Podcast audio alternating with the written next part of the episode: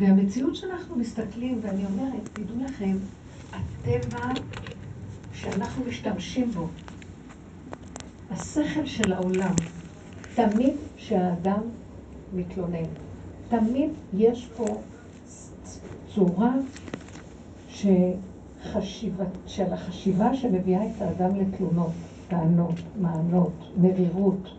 פעם יש לו רוח טובה, ופעם למחרת צונח עד האדמה, וככה זה הולך.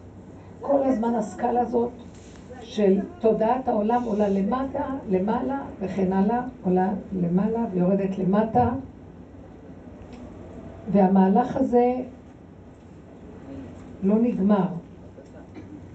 אני רוצה להתייחס לאיזה נקודה.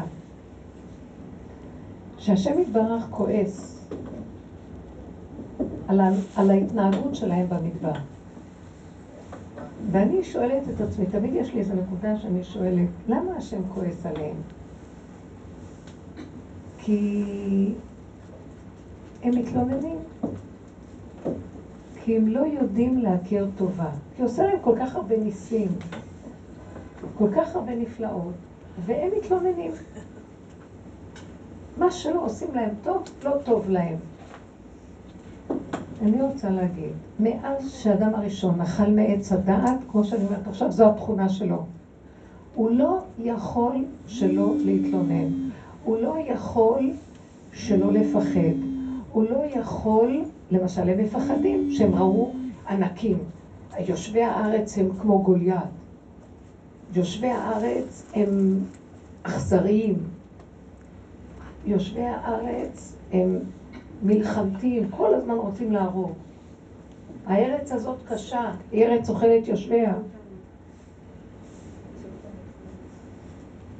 אני שואלת שאלה, מה הטענה על העם? מה? השם כועס על עלובי נפש כאלה, שהם בעצם תקועים בארץ הבכה. אנחנו תקועים פה. אנחנו שבויים בתוך תודעה שגורמת לנו את המצב הזה. אנחנו שבויים בתוך מצב שמה שלא נעשה, תמיד נהיה נרגנים. אנחנו תקועים במצב של דמיון, שהיינו יכולים להשיג יותר, ובסוף זה מה שיש. אנחנו תמיד, תמיד בדמיון של לרצות לרצות את השני. ואז אם השני לא מעריך, אנחנו נשברים. ואם לא הצלחנו לסדר את מה שרצינו, אז אנחנו כאובים למה לא השגנו את המטרה ואת המדרגה. תמיד יהיה פה כאבים. תמיד הבני אדם יהיו במצב של חסר והתלוננות. נכון שיש ימים יותר טובים, אבל זה כנגד זה. כגודל החסר, אחר כך גודל הסיפוקים והריגושים למחרת, שאתה מקבל איזו הטבה או שהולך לך. אז אם הולך לך, למחרת תהיה עוד פעם נפילה, ואם נפלת, למחרת יכול להיות לך איזה...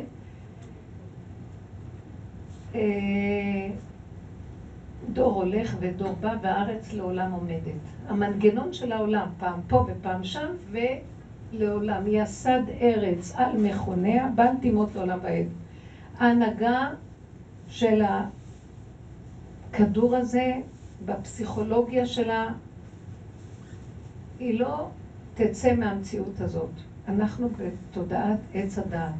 זה התודעה שהשם אמר לאדם הראשון, אל תאכל. אל תאכל מעץ הדעת. כי ביום אוכלך ממנו מות תמות. אתה פשוט, החיים שלך יהיו מציאות אחרת. כל הזמן אתה תנוע בין שתי כתבות. ולעולם לא יהיה לך מנוחה. מה רע בלנוע בין שתי כתבות? כי אף פעם אתה לא עומד במרכז ומאוזן. פעם ככה, פעם ככה, וחייך תלויים מנגד, אף פעם אתה לא יודע מה יהיה ואיך יהיה. וגם אם אתה יודע, למחרת יכול הכל להשתנות. נכון שאנחנו מגיעים בהנהגה של החיים שלנו היום, כבר בימות הקורונה אמרו, אנשים אמרו, לא יודעים, לא יודעים, לאן ילך, מה ילך, לא יודעים. עד עכשיו לא יודעים, שום דבר לא ידוע, לא ברור, לא יודעים. אנחנו נמצאים בתודעה שלא יודעים, אבל התודעה משחקת אותה כאילו היא יודעת. ואז היא יודעת שאם אני אעשה כך וכך אני אגיע למטרה הזאת, יהיה לי טוב. אז רצים לקראת המטרה. הגענו, מה שאנחנו לא עושים, לא הולך. אז אנחנו נשברים, אבל רצינו משהו טוב. למה אנחנו נשברים? כי לעולם זה ייראה לנו שאם נעשה ככה יהיה רגע טוב. ואם נעשה זה וזה, אז התוצאה תהיה טובה. ואם נרוץ לזה, נשיג כך וכך. ואין אדם מת וחצי תאוותו בידו, כי אף פעם פה לא נשיג כלום. זה נראה כאילו משיגים. העובדה שהבן אדם משיג, בסוף עומד ומשאיר את הכל פה, לוקח איתו משהו. אז מה עזר לו התארים שלו, מה עזר לו הרכוש שלו, מה עזר לו כל החשיבות שלו והמשפחתיות שלו, מה עזר? הוא הולך ומשאיר את הכל והוא נשאר פה, והכל נשאר והוא הולך. לבד דבר אחד, רק אם הוא מזהה את האמת וחי עם שכל של אמת, דעת של אמת ומעשים טובים. זה יש בידי אדם, זה נשאר, כי זה יוצר אצלו מציאות של נצח. מה זה מעשה טוב? שהוא עושה דבר אמיתי. אז לאמת יש נצח, זה נשאר לנצח, גם אם הוא מת יש לו את זה. אבל לא דברים שהם תודעת עץ הדת חולפים, פעם ככה, פעם ככה, פעם ככה, פעם. קהלת אמר את זה, ב, אה, אה, שלמה המלך אמר את זה בקהלת, עת שלום ועת מלחמה, עת לבכות ועת לשמוח, ועת... אה, מלחמה ועת שלום. כן, ללדת ועת למות, ועת ועת, 16 עיתים בתורה כאלה, במגילת קהלת. מציאות של האדם אף פעם לא קבועה. אני שואלת שאלה. אז למה השם כועס עליהם? מה, השם לא יודע שהם תקועים במציאות עץ הדת? אז למה הוא כועס עליהם? עד מתי נעצום ים הזה? ויש מידת הדין כנגדם.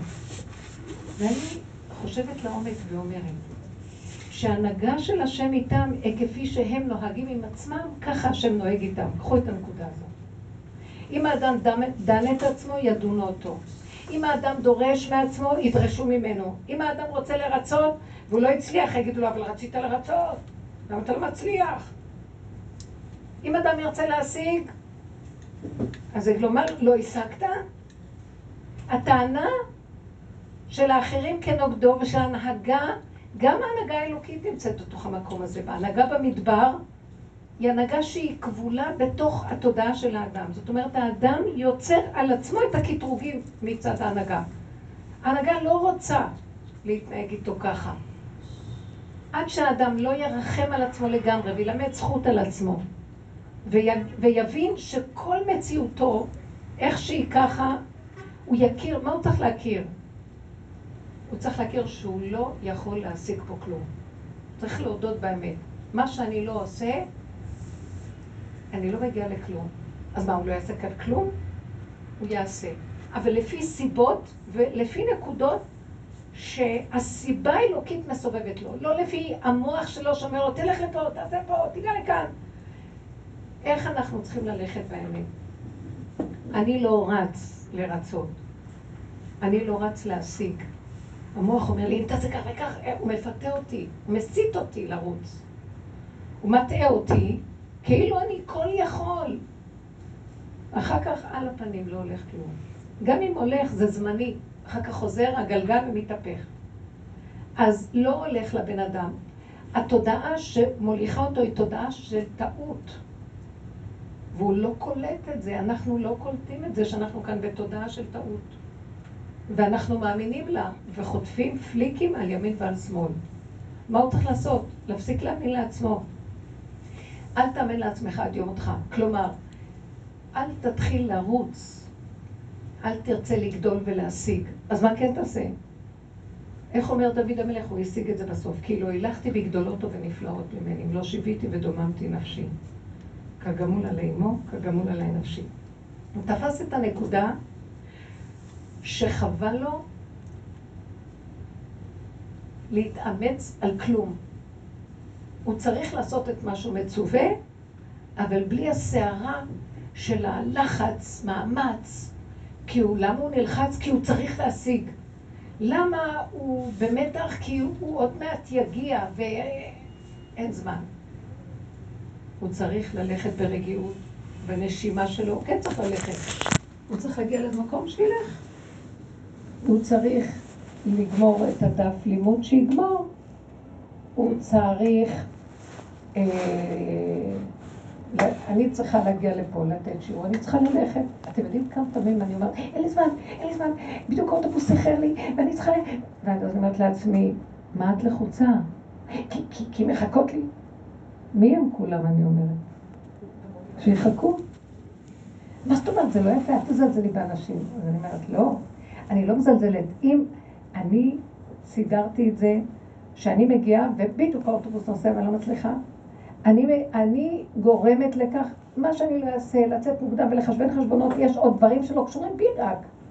אז אני צריכה לדעת שהטענה לא עליי. אני עושה את שלי, וגם אסור לנו להיות בהפקרות. אבל עשינו כל מה שאנחנו יכולים, אסור לנו להיות בלחץ. כי הלחץ זה התודעה של כוחי ועוצם ידי. זו תודעה שאנו חיים בה, היא תודעת הכוחי ועוצם ידי. היא תודעה שנוצרה מהרגע שאכלנו מעץ הדת. כאשר אדם אוכל מעץ הדת, והשם אומר לו, אל תאכל מעץ הדת, כי ביום אוכלך ממנו החיים שלך לא יהיו חיים. מות תמות. תמות לחיים האמיתיים. שתחיה בחיים טובים, רגיעות, שלווה, שלום, ילך לך מה, מה שאתה רוצה, התפתחות דלתות, זה סימן שמותר ללכת וזה בסדר. לא נפתחים, תגיד שלום, לא מתאים לי. לא, בכוח ידפוק על הדלתות, תשבור קירות, ואני אשיג בכוח את מה שאני רוצה. 500 תפילות, 300, 400, לא רוצה יותר לחיות ככה. בסוף הדורות נשיג את זה ונגיע, זה לא יעזור כלום. זאת אומרת, ברגע שהוא אכל מעץ הדת, ישר נכנס בו המקום הזה שהוא צריך להיות גדול וייתן כאלוקים, הנחש אומר לו, אם תאכלו מעץ הדת, תהיו כמו אלוקים, יודעי טוב ורע, אתם צריכים להיות גדולים, אז uh, תאכלו, אכלו, ועכשיו כל הזמן אנחנו מאוימים שאנחנו לא מספיק אלוקיים, היינו צריכים להיות יותר, ועוד מעט נהיה עוד יותר, ועוד מעט עוד יותר, ועד שהגענו, המן זה השיא של כל הסיפור, כי הוא מסמל את עץ הדעת, המין העץ אשר ציוויתיך לבלתי יכול אכלת, השם אומר לו. אז המן מניין לאמן מן התורה? המין העץ, עץ הדת. ומה אומר המן? כל זה לא שווה לי, הוא יושב על ראש, תפקיד הכי בכיר בממלכה, כולם משתחווים, ומרדכי לא יכרע ולא ישתחווה אחד מתוך המיליונים, הוא אומר, מה, זה גם משהו, אז לא שווה לי. אם הוא לא משתחווה, לא שווה לי כלום. הוא רוצה להשיג ולהשיג ולהשיג ולהשיג, וכלום לא שווה לו, וכל החיים שלו מרירות. אף פעם לא טוב לו. הוא לא ישקוט ולא ינוח עד שגם האחד הזה ישתחווה. תלך לישון, אז מה קרה? יש לך מיליונים שמשתחווים. השיגעון הגדלות הזאת זה כתוצאה מאכילת עץ הדת. כשהקדוש ברוך הוא, אחרי שהוא אכל, הקול של השם מתהלך בגן, והוא שומע קול השכינה שואל, אה, אייכה, איפה אתה? כאילו, מה, שלא יודע איפה הוא? אז הוא נבהל. אדם הראשון נבהל מהקול של השם, השם אומר לו, המן העץ אשר ציוויתיך לבלתי יכול אכלת? אתה אכלת מהעץ? איפה אתה מסתתר? איפה אתה? מה, אתה לא רואה? אתה חושב שאני לא רואה מה שאתה עושה? אז מה הוא אומר לו? האישה אשר נתת עמדי היא נתנה לי והאוכל. מאז שהוא אכל מעץ הדת, הוא מצדיק את עצמו ומאשים את אשתו, את הסובב. הוא בסדר, הוא כבר נכנס בו השד של איך להיות בסדר. איך כל הזמן לחפש להיות בסדר, לרצות שהוא מאה אחוז בסדר. זה לא הבעיה שלו, הוא מתנצל, הוא מצטדק, הוא מתכסה. והוא מת מפחד. פחד כפייתי, שמא יגלו שהוא לא עמד במה שהוא היה צריך, כי הוא היה צריך להיות, יכול. הוא אכל מעץ הדת, אז נהיה לו הפסיכולוגיה הזאת. קודם, כן, יעשה טוב, לא יעשה טוב, הוא עושה מה שהוא יכול. ולא, הוא לא דן את עצמו, לא שפט את עצמו, ו, וגם, והבריאה לא שפטה אותו, וגם אף אחד לא שפט אותו. הוא התחיל, הוא אכל מעץ הדת, התחילה השיפוטיות, התחילה הביקורת, התחיל הגיהנום הזה של המוח הפתוח הזה, ואדם נכנס למצוקה נוראית, שמי עושה לו את זה? רק הוא בתוכו עושה לעצמו את כל המצוקות, ואף אחד לא עושה לו את זה מבחוץ. הוא עושה לעצמו את כל המצוקות שלו. שמעתם? אנחנו עושים לעצמו את המצוקות. למה? הוא רוצה לרצות, אז הוא רץ לרצות. אז השני לא שם לב שהוא כל כך מרצה, הוא לא אומר לו כזאת תודה. חייו אינם החיים, כמה אני רצה טוב, שיגיד לי תודה. אז הוא נשבר למה שהשני אומר לו תודה. אז למה אתה מרצה? לא, כי רציתי לרצות, לעשות לבן אדם טוב. אז אם רצה לעשות לו טוב, תעשה לו טוב. הוא לא יחזיר לך טובה, מה אכפת לך? אתה רצית לעשות לו טוב, תעשה טוב שלום. למה אתה מבוהל? למה אתה מאוים מהצד השני? כי כבר נהיינו חולים כפייתיים, כי כבר נהיינו תלויים, חיינו אינם חיים בפני עצמנו. אני תלוי בשני, בשלישי, ברביעי. אישה תלויה בבעלה, בעל באשתו, ילדים בהורים, הורים בילדים. סליחה, אני אגיד לכם, יש מקום שנזקקים אחד לשני, זה יפה. אבל האדם, אם הוא היה מחובר לשורש האמיתי של עצמו, לשכינה שבקרבו, הוא לא היה נזקק לאף אחד. השם היה מראה לו שהשני הוא רק סיבה שהשם שולח לו. ואני לא צריך להשתחוות לאף אחד, גם לא צריך להגיד יותר מדי תודה. אפשר להגיד תודה, אבל למכור את נפשי בשביל שהשני יאהב אותי, זה התודעה הזאת עושה לנו. אז עכשיו, כשעם ישראל נמצא במצב שהם רוצים להיכנס לארץ ישראל, שולח, השם אומר למשה, שלח לך אנשים שיתורו את הארץ. לאור מה שאני יודעת, אם יש לנו תודעה, אז לא הייתה להם את התודעה הזאת, זה היה קרוב ליציאת מצרים. עכשיו זה סוף הדורות. אותו דבר קורה גם עכשיו. אם היו מטילים עליי איזה משהו, מטלה או ניסיון, בתוך הנפש שלנו אנחנו צריכים לדעת חזק חזק. סליחה, אל תביאי, אני לא לידי ניסיון, לא לידי בזה, אני לא יכול כלום, תעזבו אותי. אני מוכן, אני מוכן להושיט יד או רגל. אנחנו עוד לא מבקשים מאיתנו משהו, בטח, ודאי, ת, תעמיסו את השק, כי אנחנו כל יכול. תודעת עץ הדת, אנחנו משוגעים להוכיח שאנחנו משהו. תסתכלו את כל הדור איך נראה. יזמות ומנהלות ומה לא, וכל אחד עם הגובה שלו, ו... ואיך שמישהו אומר לו איזה מילה לא לעניין, אז ההוא כל כולו רואה, שלא יחשבו רק שהוא משהו לא טוב, הוא מצטדק והוא מאשים וכועס ומתווכח שהוא, להוכיח שהוא מאה אחוז בסדר. למה? למה אני צריך להוכיח למישהו שאני בסדר? ואם אני לא בסדר, מה אכפת לי? למה אני צריך להיות בסדר? אני רק לא צריך להזיק לבני אדם. אני לא צריך לעבור על חוק התורה, אני לא צריך להזיק לבני אדם, אני צריך לעשות מה שמותר, מה שאני יכול לעשות, עד איפה שאני יכול. כי הבן אדם לא מכיר את חוק גבולו, הוא לא מכיר את הגבול שלו, הוא לא מכיר שהוא לא יכול, הוא לא מכיר שהוא חושב שאם הוא מזיז יד או רגל זה הוא, וזה לא השם שבתוכו מזיז אותו. הוא לא מחובר ליסוד שלו. הוא רק נמצא בעץ, כאן, בתודעה, הרגליים שלו בתוך המוח, והוא חושב שכוחי ורוצים ידי עשו לי את החיל הזה. ועל כן אם דבר לא הולך לו, מה זה הוא מעוניין? כי איך יכול להיות שהוא לא יכול, כי הלוא הוא כל יכול, ואם נחכה עוד רגע קט הוא בכלל יהיה בשמיים. הדמיון הזה מלווה את האדם מתחילתו ועד ראשו, עד סופו. וכל עבודתנו היא לפרק את זה.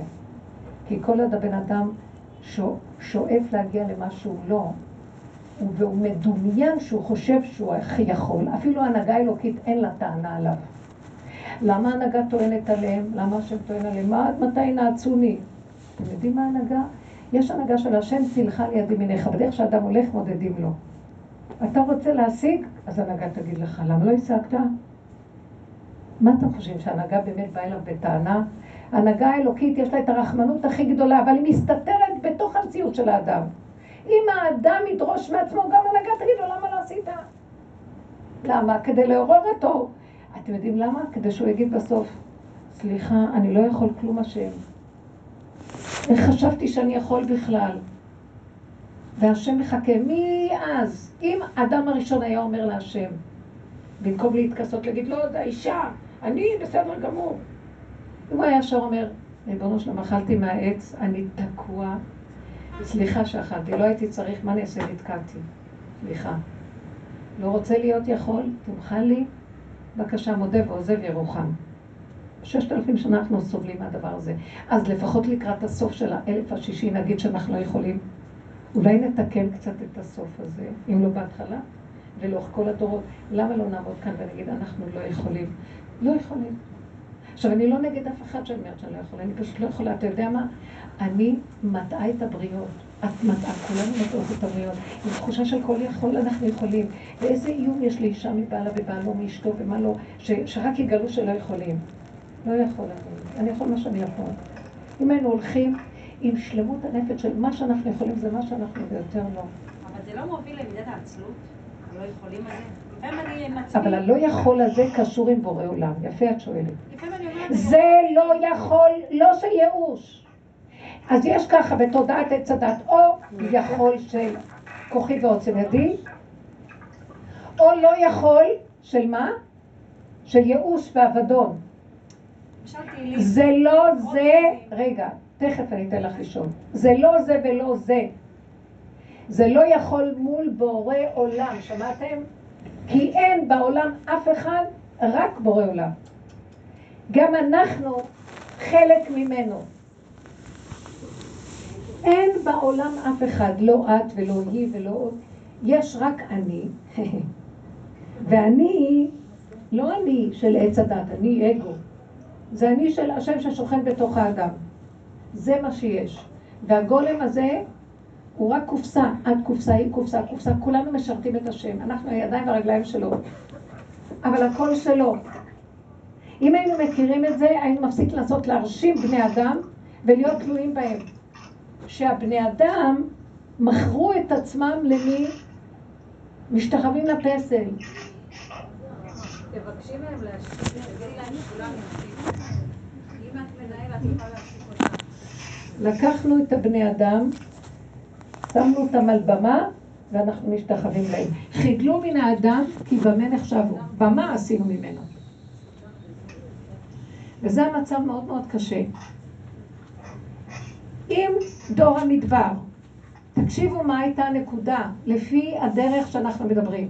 היו באים ואומרים, תגידו, מה הטענה עלינו שאנחנו מפחדים? רק יצאנו ממצרים. אנחנו עוד בתפיסת עבדים שמפחדים מאדונים. נכון שהראית לנו ניסים ונפלאות שלא היו כדוגמתם בארץ, כל עשר המכות, כל יציאת מצרים, מתן תורה, לא יאומן. אבל אתם יודעים משהו? מה שלא עשו לנו, אנחנו תחת תודעת הדמיון של היללה והנרגנות מצד אחד, מצד שני, כוחי ועוצם ידי. וכשלא הולך משהו עם הדמיון שלי, מה הייתי רוצה? אני רוצה שומים ובצלים ודגה.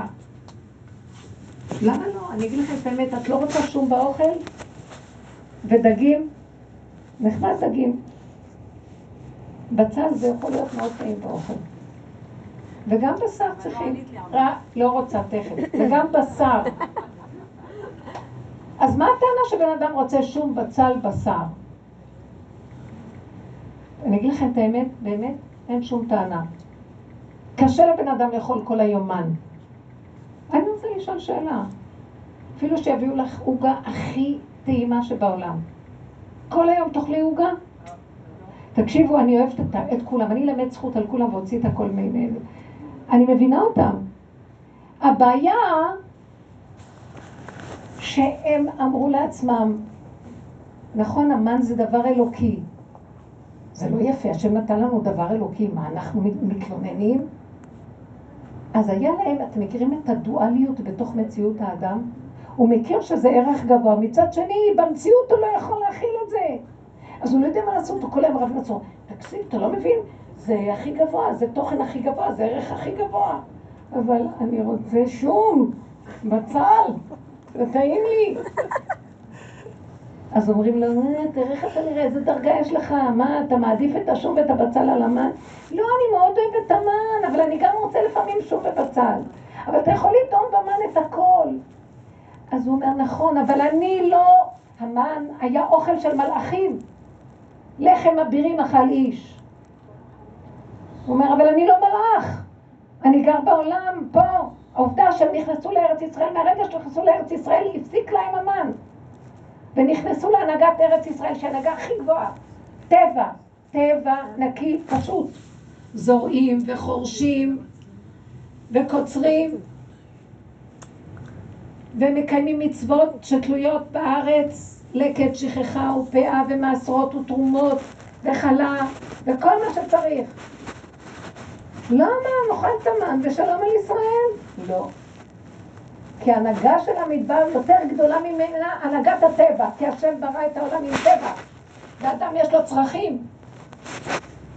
והצרכים של האדם בכוונה שהשם יצר לו, אם הם במידה הנכונה, אם הם בדיוק הנכון, והם לכבודו יתברך. אבל השם לא רוצה מלאכים. מלאכים הוא ברא בשמיים, בני אדם הוא ברא פה. אז זה, מה קרה פה? בגלל שאכלו מעץ הדת, הם כל הזמן שואפים למעלה להיות כמו מלאכים. אם הם היו זוכרים שבעצם בן אדם יותר גבוה מכולם, אומרים, רגע, נכון שאתה נותן לו את המען ריבונו שלם, תודה רבה. אבל באמת באמת אנחנו רוצים מדרגת אדם. והם היו מלמדים זכות על עצמם. והיו מקבלים, ניקח את הדוגמה הבאה, הם נכון שהשם נותן לנו את ארץ ישראל, והשם נותן לנו את ארץ ישראל, אבל הם נכנסו לארץ ישראל והם נבהלו. הם רק לא מזמן מסתכלים יצאו מ-210 שנות גלות, ששולטים עליהם, ויש להם תודעה של עבדים קצת. עם כל הניסים והנפלאות, זה לא דבר שאתה יכול להוציא אותו בן יום. גם עד היום אנחנו בתודעה של עץ הדת, אחרי קבלת התורה, ואחרי כל כך הרבה דורות של מצוות מעשים טובים, מה לא? גלויות, מה לא עברנו כדי לשייף ולהוציא את כל הרשע של התודעה והכוחנות שלה, ועדיין נשארנו בתודעה. מה נגיד עליהם אחרי 40 שנה, מה כולו כל כך פשוט? אז כשהם נכנסים לארץ ישראל, להם מאוד קשה, נבהלו מענקים. אני גם הייתי נבהלת מענקים.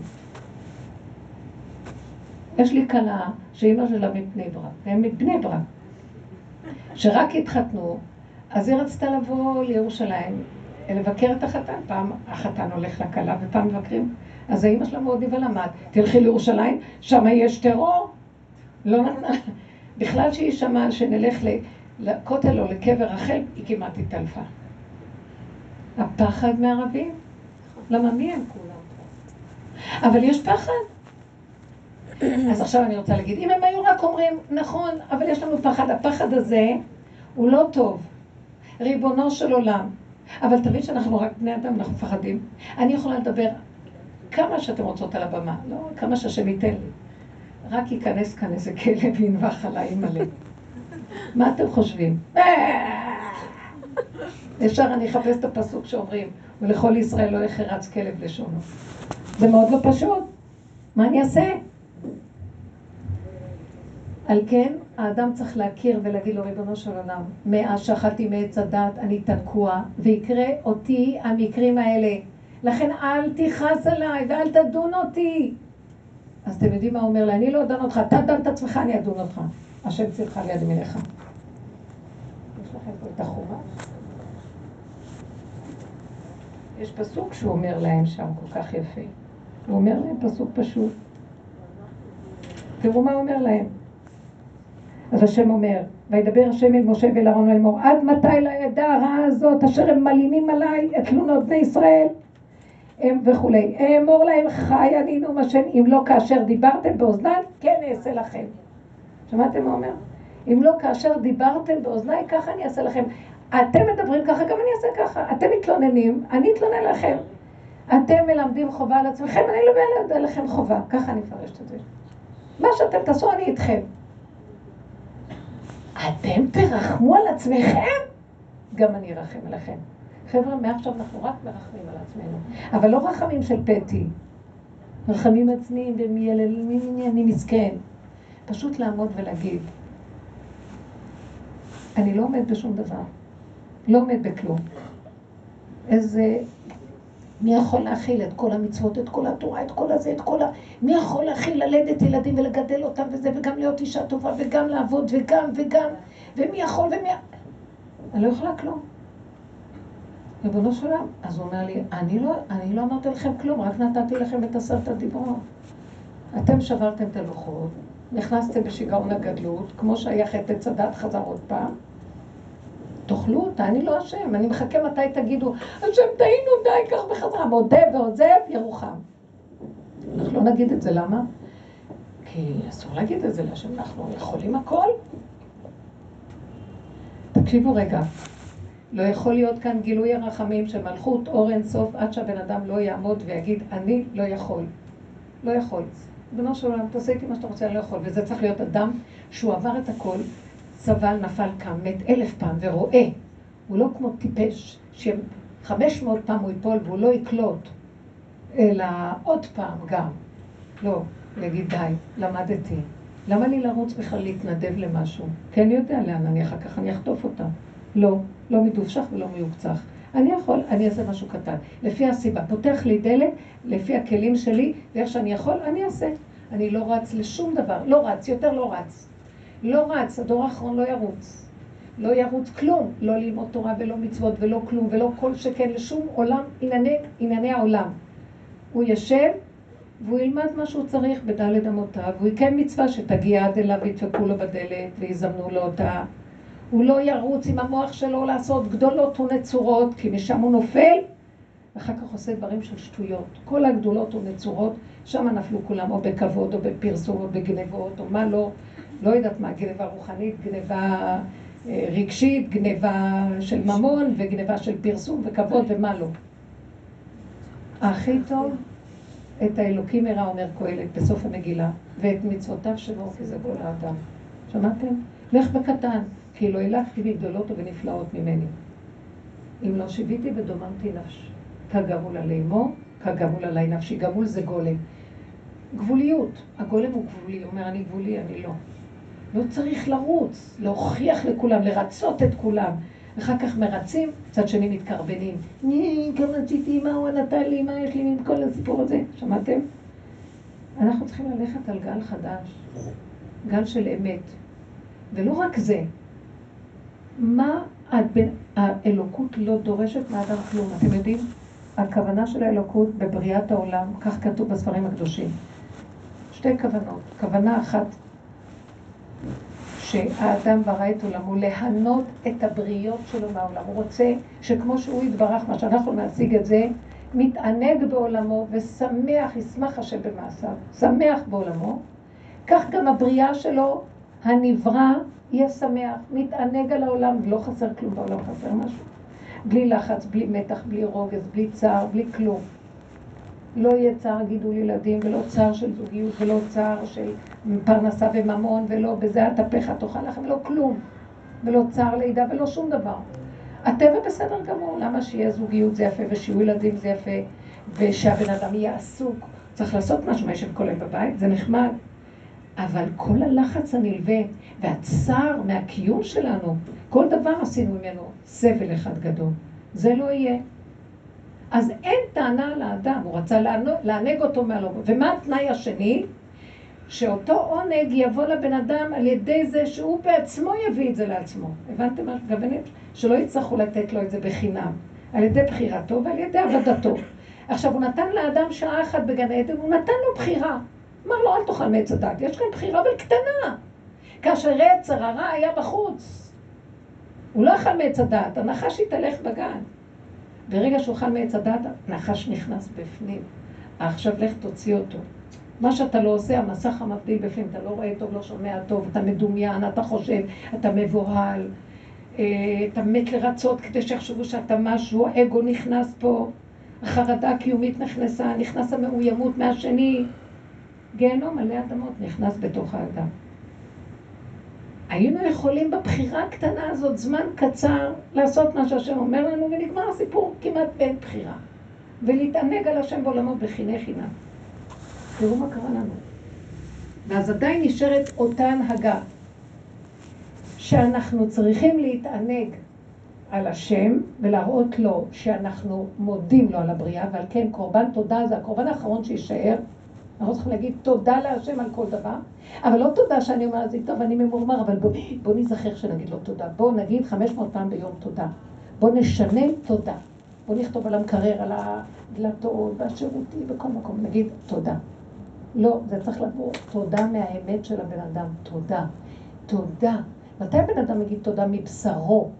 שהמוח הזה ייפול לו, המוח של היללה, ואז הוא יראה מה חסר לו. הוא אוכל שוטה, בסדר גמור. גם אם הוא ירצה שום, זה לא גרוע שיהיה לו שום. ובצד. אין שום דבר גרוע בעולמו של השם, הוא ברא את הכל לכבודו, אבל כשאני מוציא את זה מההקשר ומתהולל עם הדבר ולא שייך בגבוליות הנכונה, אז זה לא טוב. אבל אם אנחנו נגיע לנקודה, קודם כל, ונאמר, ריבונו של אכלנו מעץ הדת, והוא זה שמחריב אותנו ומרחיב אותנו ומפיל אותנו, ויש לנו דמיון גדול, ואנחנו כל הזמן נופלים, ויש לנו דמיון שאנחנו יכולים, אנחנו רצים ומנסים ולא יכולים ונופלים, ואז מתמרמרים, ואז כועסים, ואז נשברים, ואז מתאבדים. אז מה נעשה שעכשיו יושב עלינו הדבר הזה, וטוב שאנחנו לומדים את הדבר, כי בני אדם לא יודעים את זה אפילו, סליחה. פה בשיעורים מעוררים את הבני אדם לדעת שאנחנו לא אשמים, רק יושב עלינו שד שלא רוצה לצאת, ואנחנו גם מניקים ומפרנסים אותו. אנחנו, הוא יונק מאיתנו, פרזיט. והוא לא יגמור מאיתנו. עד שלא נגיד לו יום אחד, תלך לעזאזל, לא רוצה יותר כלום. לא רוצה כלום. ויגיד לי, יש לו כאילו זקן עד הרגליים, הוא הדביק זקן, נראה לו שיש לו זקן, וכובע עד השמיים, ויגיד, מה, אבל זה מצוות? אני אגיד לו, קח את המצוות האלה לעצמך. כי אתה אומר לי מצווה, אחר כך אתה נכנס במצווה, גונב אותי, אחר כך אני בצער מאוד גדול, אחר כך אני רב עם כל הסובב, אחר כך אין לי חיים. אתה יורד ומטעה אותי, עולה למעלה ומקטרג עליי, ואחר כך יורד ליטול את נשמתי, לא רוצה אותך, שלום, לך. שמעתם? אנחנו נגיד לו יום אחד, לא רוצים. למה אתה לא רוצה? אז אתה יודע מה? אתה מפסיד. אני, אני לא, אין, לו, אין כאן רווח ואין הפסד, אין כלום. תן לי לחיות. לך, איך אומר אה, שלמה המלך? עושר ורש אל תיתן לי, אטריפני לחם חוקי. תן לי את מה שאני צריך בקטן לחיות את הרגע הזה כאן. טוב, תודה רבה השם. אני רוצה ילדים, אבל כבר נהיה שיגעון. הרבה ילדים! כן? אה, ילדים, כמה שתיתן זה טוב. אבל בתנאי שזה לא יהיה לי מטרד, ואני לא אציק להם ולא יציקו לי. זה רק כאשר אתה מציץ עליי, מסתכל עליי, ואתה נמצא שם, כי אם אתה לא נמצא שם, וגם אתה לא צריך להציץ עליי, אתה בתוכי בעצם. אם אתה לא נמצא שם, אז אני לא יכול כלום. בבקשה, אל תעזוב אותי. אל תסתר פניך ממני, אומר דוד המלך. אל תעזוב אותי. אתה איתי, תהיה איתי. אומר משה רבנו, להשם, אתה נותן לי הנהגה של עם ללכת איתו במדבר ולהוביל אותו דרך חתחתים נוראה, כשאתה יודע מה הרמה של העם, כי העם הוא צדיק, העם קדוש, אבל באיזשהו מקום יש עליהם קליפה נוראה, יש שד יושב להם במוח. אתה לא יכול לתת לי להוביל אותם ככה למדבר אם אתה לא הולך איתי. רגע, רגע, ילך נא השם בקרבנו. תבטיח לי. והשם אחרי כמה זמן אומר לו שישלח מלאך, אני אשלח שליח. אולי זה משה רבנו בכבודו בעצמו, הוא אומר לו, לא, אני רוצה שהשכינה תלך איתנו.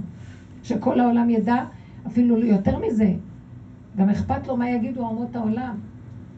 שעם ישראל הוא נפרד ונבדל ואין כדוגמתו בעולם בגלל ששכינה איתו. זה הבדל גדול מאוד מה שיש לו מלאך, מה ששכינה. גם לגויים יש מלאכים. כן? כל אומה יש לה מלאך. כל צמח יש לו מלאך שמכה בו ואומר לו גדל. אז אנחנו לא רוצים מלאך. אנחנו רוצים הנהגה אלוקית. והנהגה אלוקית לא רוצים אותה במידת הדין. במידה של שכר ועונש ומכות וחרדות ופחדים ומה לא וגיהנום. ו... אתם יודעים מה? זה לא פשוט. העונשים של התורה לא פשוטים בכלל. והעם הזה כבר חלש ואין לו כבר כוח לכלום. ותגידו, אנחנו כבר כאלה צדיקים שלא, אין יום אחד שאת לא עוברת איזה כמה דברים. בלי לשים לב, את אומרת לשון הרע. בלי כלום, מה שלא תרצי, זה לא הולך. זה מאוד לא פשוט פה. ולא יכול להיות אדם ולהגיד אני צדיק, כי לא יצדק לפניך כל חי. הם בקדושיו לא יאמנו, במלאכיו ישים תעלה. הקדוש ברוך הוא אפילו במלאכים שלו לא מאמין. מה יגיד האדם? אז לכן העבודה שלנו היא לא ללכת בגדולות ונפלאות, ולהגיד להשם תרחם עלינו, הנהגה הזאת של הדין ושל... כאילו, אה, של לדון אותנו, אנחנו לא יכולים לעמוד בדין. רבי שמעון ברכה אמר, אני יכול לפתור את כל העולם מן הדין. למה? מה הוא התכוון? שאני אלמד זכות על הבני אדם. טיפשים הבני אדם שלא עומדים זכות על עצמם. אתם מבינים מה אני אומרת? אל תדונו את עצמכם, אל תשפטו את הילדים, אל תבקרו את הילדים, את הבעלים, את כולם. גם לא את עצמכם. נכון, כל הדרך שעשינו לא ביקרנו אותם, טוב בוא נבקר את עצמנו. אם הרגיזו אותי אז אני אגיד, טוב, הוא רק היה מראה במקל להראות לי את עצמי. התחלנו לחפור ולראות שאני בעצם, אבל אשמים אנחנו, הגענו להכרה הזאת. עשינו עבודה, מה זה עבודה? פירקנו, פירקנו, פירקנו, הודינו באמת, אכלנו מעץ הדת, אנחנו תקועים, תקועים, תקועים, ומטה השם לא עוזר לנו, אין לנו יכולת לצאת מזה. אז הגענו לזה, ואתם חושבים מה? אנחנו ממשיכים לחיות פה. כמה שלא הודינו, כל יום אני מחדש עושה את אותו דבר עוד פעם. אז מה עזר לי שהודיתי? כל יום אני מחדש עושה את אותו דבר. ואני אומר לו, אבאלה, ההנהגה של הגלות קשה עלינו, ההנהגה של התודעה הזאת שיושבת עלינו קשה, היא מה שמטעה אותנו, היא מה שמקטרגת עלינו, היא מה שיוצרת את הדין והרוגז. אנחנו לא יוצאים ממנה, תרחם עלינו רחמים גמורים, כי אנחנו לא יכולים כלום. אתם יודעים כשיושב ומחכה מתחילת הדורות לדבר הזה, לאמירה הזאת? אם אדם הראשון היה אומר, אני לא יכול, סליחה, לא יכולתי. הוא מצטדק, מתקצר, מאשים את ההוא, מסדר לעצמו איזה אליבי טוב, אומר, לא, רק היה צריך להגיד, לא יכולתי אחרת, נגמר. דוד המלך עשה את התיקון הזה. בא אליו נתן הנביא בדבר בת שבע. הסיפור של בת שבע, חז"ל אמרו שבת שבע הייתה חווה, גלגול של חווה. חווה, ודוד המלך היה גלגול של האדם הראשון. ניתן לו 70 שנה לתקן. והוא עשה את כל עניין של בת שבע, הוא אפילו לא שם לב שהוא חוטא ועושה דבר לא טוב. גם אנחנו על פי דין לא חושבים שהוא חטא. אבל על פי מוסר האדם במדרגתו הרמה, הוא לא הלך עד הסוף עם האמת. אז בא נתן הנביא להוכיח אותו, לא, הוא מלך, אסור להוכיח מלך. מלך, מלך זה אה, מתחייב בנפשו, בית הדין דנים אותו, שהוא אסור להתחצף למלך, במדעך אל תאור מלך, אפילו שאתה רק במחשבה שלך, אל תקלל מלך ואל תחשוב עליו רע. הוא שליח של השם. אז בא נתן הנביא ומלביש את זה בסיפור של כבשת הרש. שהיה איזה אדם נורא מסכן ועני, ולא היה לו כלום, הייתה לו רק כבשה אחת, ואחד גזל אותה. אז דוד המלך שומע את הסיפור, הוא בכלל לא קולט שמדברים עליו. והוא אומר, בן מוות האיש, איך יכול להיות שהוא ייקח את הכבשה של הרש? אז נתן הנביא אומר לו, אבל זה אתה. אתה לקחת את בת שבע, היא הייתה אשת איש. אפילו שהיה לה גט, כי כשבית דוד, מלכות בית דוד, היו יוצאים למלחמה, היו נותנים גיטים לנשים שלהם, שהן היו עגונות, שיעלמו, משהו כזה, הנשים לא תהיינה אה, אה, עגונות חלילה, ולא יכולו להתיר אותן. אז כולם היו נותנים גיטים, על מנת, רק בשביל המלחמה. והוא עשה שם איזה מעשה. שלח את בעלה למקום של הקו החם, שיכול שם למות, וזה באמת קרה. ואז היא הייתה פנויה, מה, מה הבעיה? כן? אבל זה היה תכמון. ככה עשה סיבוב. המהלך הזה, דוד המלך, ברגע שהוא שמע אותו, אומר לו, אבל זה אתה. כי זו האמת. אתם יודעים מה הוא עשה? פתאום הוא שתק ואמר, הוא היה נדהם, פתאום הוא אמר, חטאתי נגדי תמיד. כי פשעי אני אדע וחטאתי נגדי תמיד. אני מקבל. הוא הודה באותו רגע, הוא תיקן את החטא של אדם הראשון שהתכסה והאשים את אשתו. כי הוא אמר, אבל אני טועה. אבל אשמים אנחנו. כמו שיהודה הודה ואמר, צדקה ממני, לגבי תמר. הוא לא כיסה, כי אה, כל אלה זה מדוד המלך יצא מיהודה. וכל העניין הזה, להודות באמת ולהגיד את הגבול הנכון. והקדוש ברוך הוא יושב ומחכה, הנהגה העליונה של הגאולה האחרונה יושבת ומחכה שנגיד לא יכולים, אבל באמת, אגיד לא יכולים, אחר מישהו יגיד לי משהו, אני אפרק לו את הצורה בגלל שהוא אמר לי משהו, כי הוא נגע לי בציפורן הקטנה של האגו. זה מאוד לא פשוט, צריך להיות את מה שאנחנו מדברים. אתם מבינים? אז מתי הבן אדם יגיד את זה? כשבאמת בינו לבין עצמו, הוא יבדוק את עצמו ויראה אם אין מתום בבשרו מפני הצער והרוגז והמכאובים. באמת, אנחנו כל כך הרבה סובלים. יש לנו בעיה אחת. אין לנו ערך לסבל שלנו, שמעתם? אה, עוד משהו? ת, תעמיסו שק, עוד יום. מחרת תעמיסו עוד. וזה כל ההנהגה שנדרש מאיתנו. להגיד די.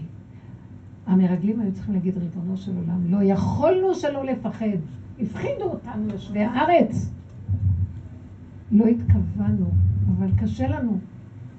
תבין אותנו. מה הם עשו? הם לא באו להודות לכיוון של השם, שהם מבחינת מודה ועוזב ירוחם. הם באו עם הפחדים והטילו את המורך הזה בליבותם של כל עם ישראל. נכנסו לאוהלים, התחילו להגיד, מגשדרים אל תראו מה שקורה פה, אי אפשר. התחילו להסית ולהדיח. אתם מבינים מה אני מתכוונת? או שהם הולכים על הגאווה שהם יכולים, אנחנו נלך אה, לטור את הארץ. אני הייתי מתה מפחד, כי אני יודעת כבר מה יקרה. כל ניסיון שהם התנדבו ללכת, כבר אחר כך הנחש היה שם. תברחו מהניסיונות, תברחו מהגדלות, תגידו לא יכולים, אנחנו רוצים לאכול ולשתות וליהנות, הוא יגיד לך תודה ריבונו שלום. מי יכול לעמוד במשהו כאן? זה אש. מנסים את הבן אדם יותר מדי. טוב, לא יכולנו, הלכנו, אז תגיד להשם, ריבונו של עולם. לא יכול לעמוד בפחד שכל המהלך הזה מביא לי.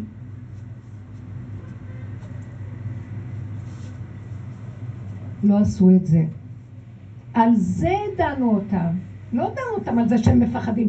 וכי בן אדם מפחד מכלב, מה, תכעס עליו? אתה צריך להיות גיבור. לא. מה? הוא עוד מתלונן, מי הביא את הכלב הזה? מה כאן עושים פה? מה? סליחה, פה יש כלבים. תגיד למה הביאו את הכלב? בגלל המעשים שלך. תגיד סליחה על המעשים שלי, השם אני לא עומד בזה. נכון, חטאתי? סליחה שעשיתי את זה, אבל אני לא עומד בזה. ואני אגיד לכם את האמת, אני אומרת לו לפעמים, אני לא עומדת בזה. ואם תמשיך לעשות אותי, אפילו מיליון פעם אני אמשיך לעשות את אותו דבר. כי אני לא עומדת בכלום, אז אל תנסה אותי. שמעתם? אל תיגע בי, כי אני לא יכולה כלום. זה הנהגה של הסוף. ולא רק זאת, אנחנו עוד נלך כמו ילדים קטנים ונצחק. ללכת עם הראשים הגדולים, וכל היום אנחנו כמו איזה אנשים שסוחבים שקים עלינו, מלאים חרדות ופחדים, ונראים כמו בני אדם שפופים תחת העול של הדמיון. והשם אומר, תהיו ילדים קטנים, תאכלו, תשתו, תהנו בעולם, העולם מלא כל טוב רק בשבילכם, עשיתי את זה. למי הבאתי את כל הטוב הזה אם לא בשבילכם? אז מה אתם נראים כל כך מסכנים? גם הוא דן אותנו, למה יש כל כך הרבה טוב בעולם ואנחנו מסכנים? על כי לא עבדת את השם אלוקיך בשמחה, בטוב לבב מרוב כל, דנים את האדם על זה. מסכן הבן אדם, איך הוא תקוע. יעשה ככה תקוע, יעשה ככה תקוע. רק דבר אחד, נהיה ילדים קטנים ונפסיק לחשבן חשבונות, נפסיק לבקר את עצמנו, לשפוט, לדון את השני בטוח שלו, אבל גם את עצמנו, כלום. ילדים קטנים. לא יכולים וזהו. שמחים, נהנים, מודים להשם, ותדעו לכם, ברמה הזאת גם אנחנו לא, לא יכולים לחטוא. כי הכוחות שלנו כל כך קטנים כבר, לא יכולים, אדם כזה שהגיע לגבול שלו ולגולם שלו, הוא לא יכול לחטוא. כי הוא נהיה קטן, אין לו כוח. אז הוא מודה ואוכל ושותה, כי זה מה שיש לו כוח, רק נשאר לו עוד כוח לאכול ולישון. זה מה שעשינו בקורונה, לא היה לנו שום כוח. ואיזה כיף היה. אכלנו ושתינו וישנו וישנו, ואכלנו ושתינו ושתינו, ואכלנו ושתינו וישנו, ועוד פעם אכלנו ושתינו. ולא היה, והיה נראה שזה, מה רע בזה? ואם האדם יגיד, מה, זה כל מה שאני עושה, זה רק הגדלות שלו, כי באמת באמת, הוא לא נדרש לכלום. הוא בא לעולם לאכול, לשתות ולישון. מה אנחנו עושים בשבת? אוכלים, ישנים ונהנים. אה? ככה זה יום שכולו שבת. כן, בתוך זה אנחנו לומדים תורה, אנחנו קצת נהנים, ואנחנו גם... אבל לא השיגעון של הכוח הזה שמפתה אותנו, מה, בוא נעשה משהו, נרוץ, נעשה... לא צריך לרוץ ולעשות כלום. מה שצריך לעשות הגיע עד אליך. במקומך יושיבוך ובשמך יקראוך, ואין מלכות נוגעת בחברתה. למה אתה רץ?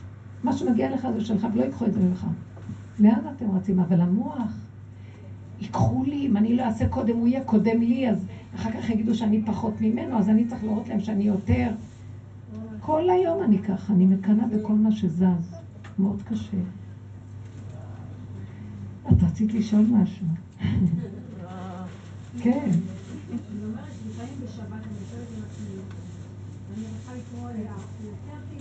הנה נתנה תשובה לעצה. זה מותק. הנה התשובה.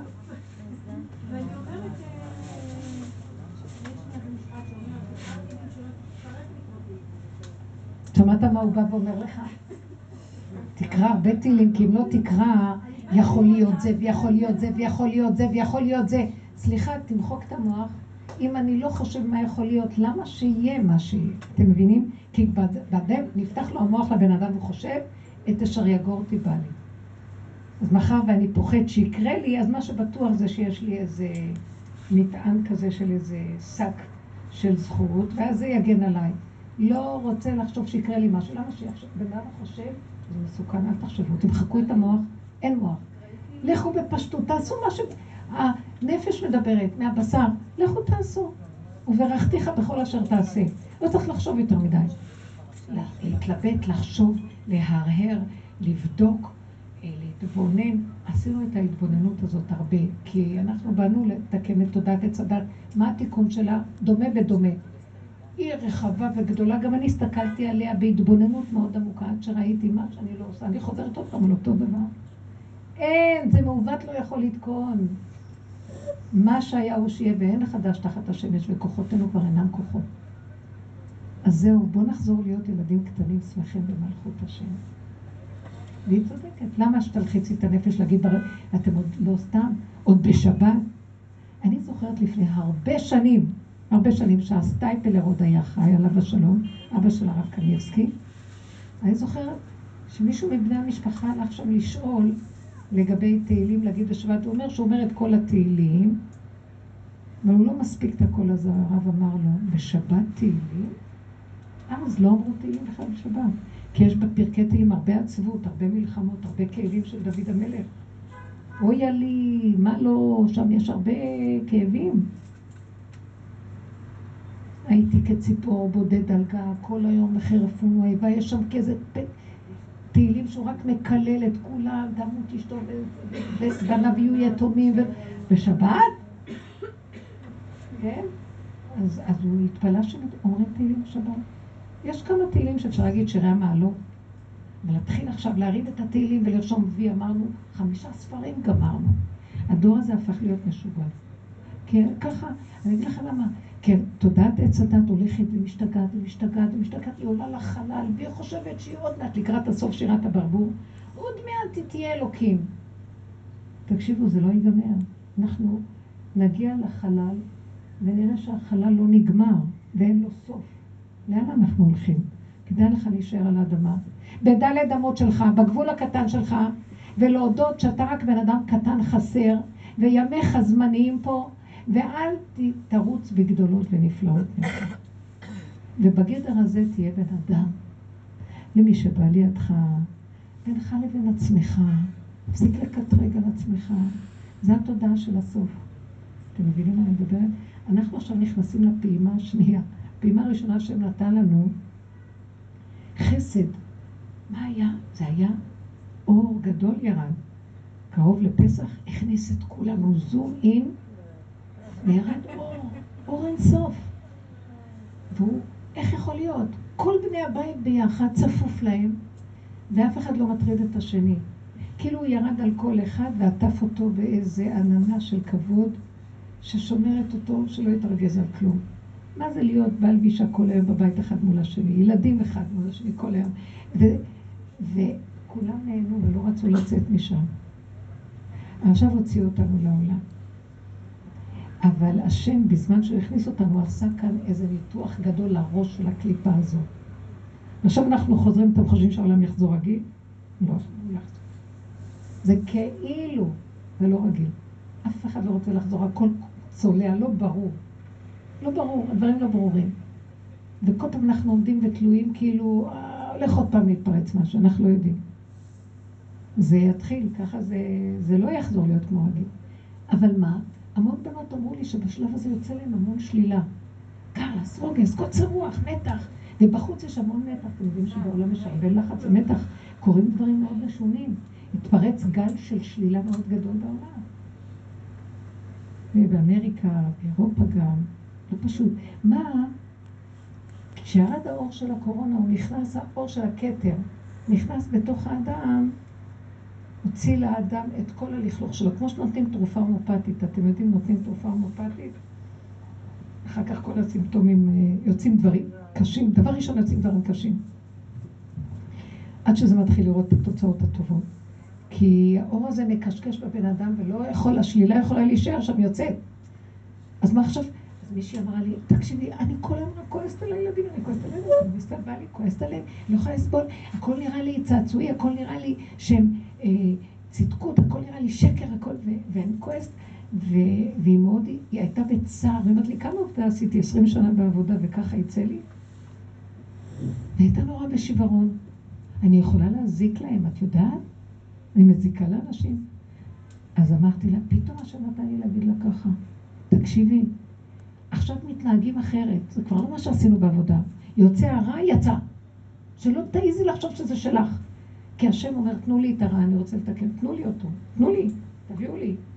תנו לי את הג'יפה, אני אתן לכם אוכל, תיתנו לי פסולת. נעשה חילופי? תנו לי. זה לא שלך כבר, את עשית כבר עבודה מספיק, זה לא ייגמר. אין לנו כוח יותר לעבוד על השלילה. מה שיצא עכשיו יצא, זה לא שלך. אז עכשיו אמרתי לה, שלא תעיזי לחשוב שאת מזיקה להם, כי בזה שאת חושבת את מזיקה להם. את לא מזיקה, את לא כלום, יצא, יצא, תשכחי, אחרי רגע תשכחי שזאת את היית. מה אכפת לך? בלי רגש, בלי חשבונאות, בלי ביקורת, בלי כלום. שמעתם? שלום? זהו. זה של השם. השם יורד לטפל ברשעים ובשלילה. תנו לזה לצאת. זה לא שלנו. שמעתם? זהו. ככה עכשיו הוא רוצה. כל דור ועבודתו, כל זמן ועבודתנו. אז עכשיו כל עבודתנו, כמו ילדים קטנים, זה לא שלי. יצא, יצא. היא לא סתם יצאה עליהם, היא כל כך גבולית, והיא כל כך מאוזנת, ואין בהפקרות שלהם, ולא היה לה כוח לעמוד בזה. אז גם זה בסדר. הם לא יכולים ואת לא יכולה, והכל בסדר, זה לא שלך. השם ייכנס והוא יסדר את זה. את יודעת מה? השם גרם שיצא השלילה, כי הוא מוציא עכשיו את כל השלילה של כולם, היא לא באה להיות נביאה ולא בת נביאה. אולי בת, בן, בת, בת של נביא, אבל שלי אדם חשוב. אבל באמת, הוא רוצה מאיתנו עכשיו, עכשיו, כמו שהיה גל של חסד ואור עצום, עכשיו יתחיל להיות משהו הפוך. אבל אל תיקחו את זה רע. אל תגיבו רגשית. סגור את המוח ולא לא היה ולא נברא. לא היה ולא נברא. לא היה ולא נברא. ממש, לא היה ולא נברא. אם אנחנו נלך ברמה הזאת, השם יגיד, זה שלי, לא שלכם, תנו לי את העולם שלי, אני רוצה לתקן אותו. אתם לא יודעים איזה אור יורד על כל אחד ואחד. זה יהיה השלב השלישי. עכשיו זה השלב הזה. תבינו? זהו. אתם מבינות מה אני אומרת? לכו עם ההשלמה של הכל. מה אכפת לכם? זה לא שלכם העולם. אל תחשבו, גם תראו עוד עצה טובה, לא להפעיל את המוח. לא לחשוב. אני בדרך כלל יושבת וכותבת את העלונים של שבת, וזה לוקח לי זמן, מאוד קשה לנו, היא עוזרת לי מאוד, אפרת, וקשה, כי למה? אני לוקחת את הדבר והופכת אותו והופכת אותו, וכאן לכתוב, בוא נדייק, וכן נגיד את זה, לא נגיד את זה, ולאחרונה אני אומרת, אין לי כוח. מה שיצא לי אני אומרת, שיצא, שיצא, שיהיה שטויות, שיהיה שטויות, שיהיה זה, שיהיה זה. לא אכפת לי, אני לא יכולה כבר. ואני רואה שהוא אומר לי, תכתבי ואני אהיה שם, מה אכפת לך? את יותר מדי חושבת שאת עוד קיימת? אתם מבינו? אני אומרת, אל תשפטו ואל תדונו, עכשיו זה שלב אחר. לא את השני בטוח, שגם לא את עצמכם. בואו תנו לי דוגמאות על המקום הזה שלא דנים את עצמנו. מקבלים ושותקים. מודה ועוזב. אני לא עוד להגיד, אני צודקת ואני אצעק על השני. אני אפילו אצעק על השני. אחרי רגע אני אומרת, אני לא מוכנה לעשות יותר עבודות. צעקתי כי הייתה כאן סיבה, אני לא יכולה יותר. לא חרטה, לא וידוי, לא כלום, כלום, לא תשובה, נגמרה התשובה גם. ככה וזהו. אתם איתי? תהיה גאולה פה. כי השם של הרחמים מחפש את המקום הזה שהבן אדם לא קיים. לא, גם את התשובה הוא לא רוצה מאיתנו, כי זה עוד עדיין ישות שעושה תשובה. הבנתם? מאוד יפה את אמרת, לא יכולה, היא עודה בגבול, די, למה להצטער בשבת? תגידי כמה שאת יכולה, שלושה פר... מה את חושבת? המעט והמרבה. כתוב על המן והמעדיף והמרבה לא העדיף והממית לא החסיר. איש כפי אוכלו לקטו, כל אחד כפי מה שהוא יכול. זה רק המוח אומר, יותר, אז תהיה גדול, קטן זה לא שווה. זה לא נכון, זה לא האמת. אין גדול ואין קטן, הכל לפי ערך האדם. אחד יעשה דבר קטן וזה גדול אצל השם, אחד יעשה הרבה וזה קטן אצל השם. אתם מבינים את הדבר הזה? אני פעם אמרתי, לא זוכרת איך אמרתי, לא יודע, אמרתי לרב אושר. אה,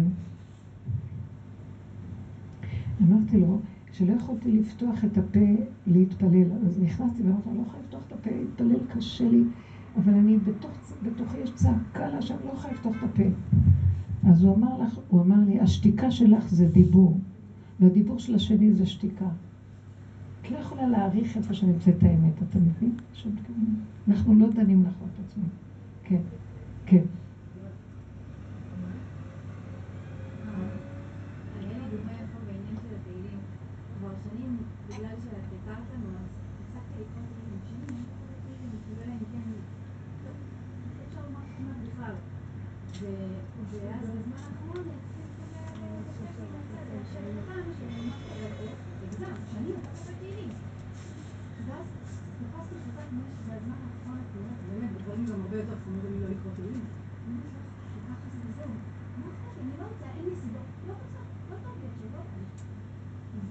אני נהנית מהתשובה שלך. תכף אני אסביר לכם למה.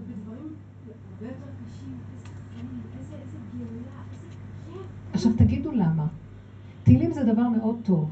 אבל כשזה בא כאילו מישהו יורה לך על הגב ואת עושה את זה, כאילו יש לך איזה אינטרס ואת חייבת ואת לא ואת מבועטת וכפייתית ומה לא, זה אה, תודעת עץ הדת יונקת מזה, השטן של עץ הדת אוכל מזה, אין לה השם כלום שם. כן.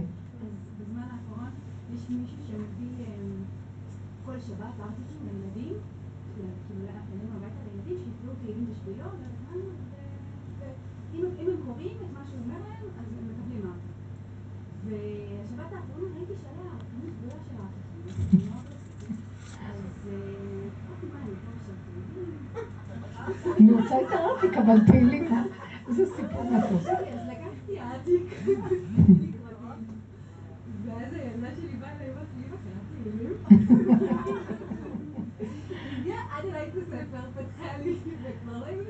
את רואה, זה נקרא סיבה עד אליך הדבר יבוא, מאוד יפה. אתם לא מבינים. למה? כי עכשיו מה היא רואה? שזה השם הביא לה את התהילים. קודם היא הלכה לקרוא תהילים. אתם מבינים את ההבדל? הקצת הזה שזה השם שווה הרבה יותר ממה שזה היא. נכון, אני לא מזלזלת שהבן אדם יגיד תהילים, אבל אתם יודעים שאיבדנו כבר את הכל. הבני אדם כבר המליכו את עצמם על הכל. אנחנו אומרים תהילים, ואנחנו צדיקים, אנחנו עושים מצוות, אנחנו עושים חסדים, אנחנו... והשם אומר, אבל גנבתם לי את המנדט פה, אני לא... אה, אה, אה, איפה אני פה? תרפו. תנו לי לתת לכם משהו קטן ותדעו שזה אני. קטן, שאתם יודעים שזה אני שווה הרבה הרבה מה שזה לא אני. אבל בגלות אנחנו אומרים, הלוואי אותי עזבו ותורתי שמרו. אנחנו לא, השם אומר, תעזבו אותי עכשיו, תעשו לפי המוח. המוח אומר לכם, תעשו מה שהמוח אומר. זה מוח של תודעת עץ הדת, של התורה, מה שאומר, עשה טוב, תעשו מה שאומר לכם. אבל אנחנו מדברים עכשיו על זמן גאולה של גילוי מלכות השם. זה זמן אחר, זה דיבור אחר, זה עבודה אחרת. אנחנו נסיים פה את הכל. אתם מבינים? אנחנו מסיימים את 49 שערים של העבודה ונכנסים לעין אונים לא יכול, כדי שהשם יתגלה עלינו. רק בזאת יבוא הרוב אל הקודש, שהוא לא יכול, והשם מכניס אותו. מי יכול להיכנס לקודש הקודשים ולא למות? רק השם מחזיק את הבן אדם שם. אנחנו עכשיו בשלבים כאלה שזה לא יכול האדם, רק השם. מי יכול לעמוד בכל מה שקורה פה? תקשיבו, אתם חושבים שאנחנו שפויים מה שקורה פה? ברגע אחד את לא יודעת איך העולם כאן מתהפך עליו, כלום, הכל מתגלה, כל השקר מתגלה, הכל נראה כאילו, בלאגן, טוב עבור ואנדרלמוסיה. והכל נראה לי כמו איזו הצגה מאוד גדולה. אה, ההנהגה של המדינה נראית, לא יודעת, ילדותית, טיפשית, כל הזמן רבים, רבים, כל אחד מתווכח. כאילו האזרח הכי קטן יותר בוגר מכל מה שיושב שם על הכיסאות, הכל רק נדמה. הגאולה תבוא מפשוטי עם, מהקטנים הפשוטים, שנמאס להם ואין קולם נשמע פה. מי, יחשב, מי יגיד לך, מי ישמע אותך בכלל? אותם השם רואה. משיח רואה אותם, והוא קורא להם. זאת אומרת, זה צריך להיות משהו שמודה שהוא לא יכול. אני גם כן באיזשהו מקום, עזבתי את כל המתח הזה של חייבים, כי שמתי לב שכל, אני חייבת להתפלל בכלל. יש מה שנקרא חובה מסוימת. דרך אגב, אישה פטורה מהרבה הרבה דברים שקיבלו על עצמם. אבל אלה שעושים את העבודה הפנימית הזאת, שהיא עבודה מאוד עמוקה, והיא מאוד לא פשוטה, כי את הולכת תמיד נגד התודעה ועץ הדת שלך. את מעוררת עליך את השד הכי גדול. האדם הזה שעובד ככה, פטור מהכל.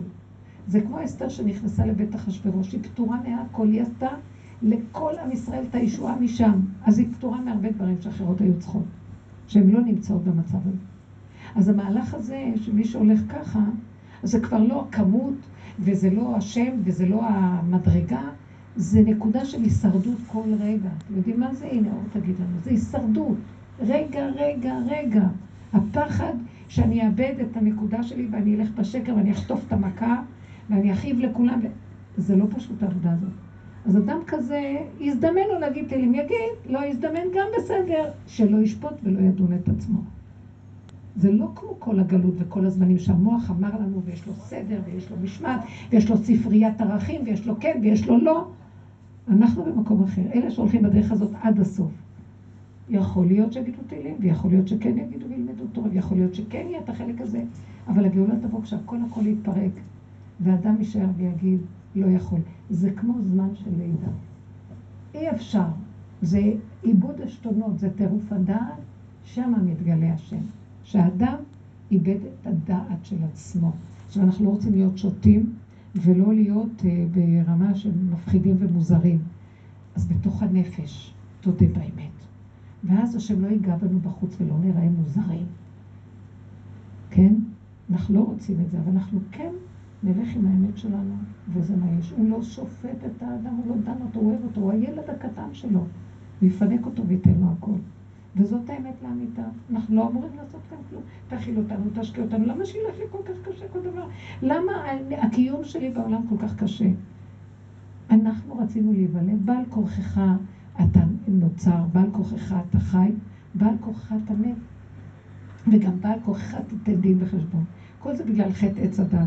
ברגע שאנחנו מודים שהחטא הזה גדול לנו ונגמר לנו כבר הכוח הזה שכל הזמן בעל כורחנו, אז השם יגיד אתם, אה, קלטתם? נגעתם בנקודה? אתם מבינים? אז אני פה. זה מה שרציתי לשמוע. תרפו, הרפו, הודו כי אנוכי השם. כן.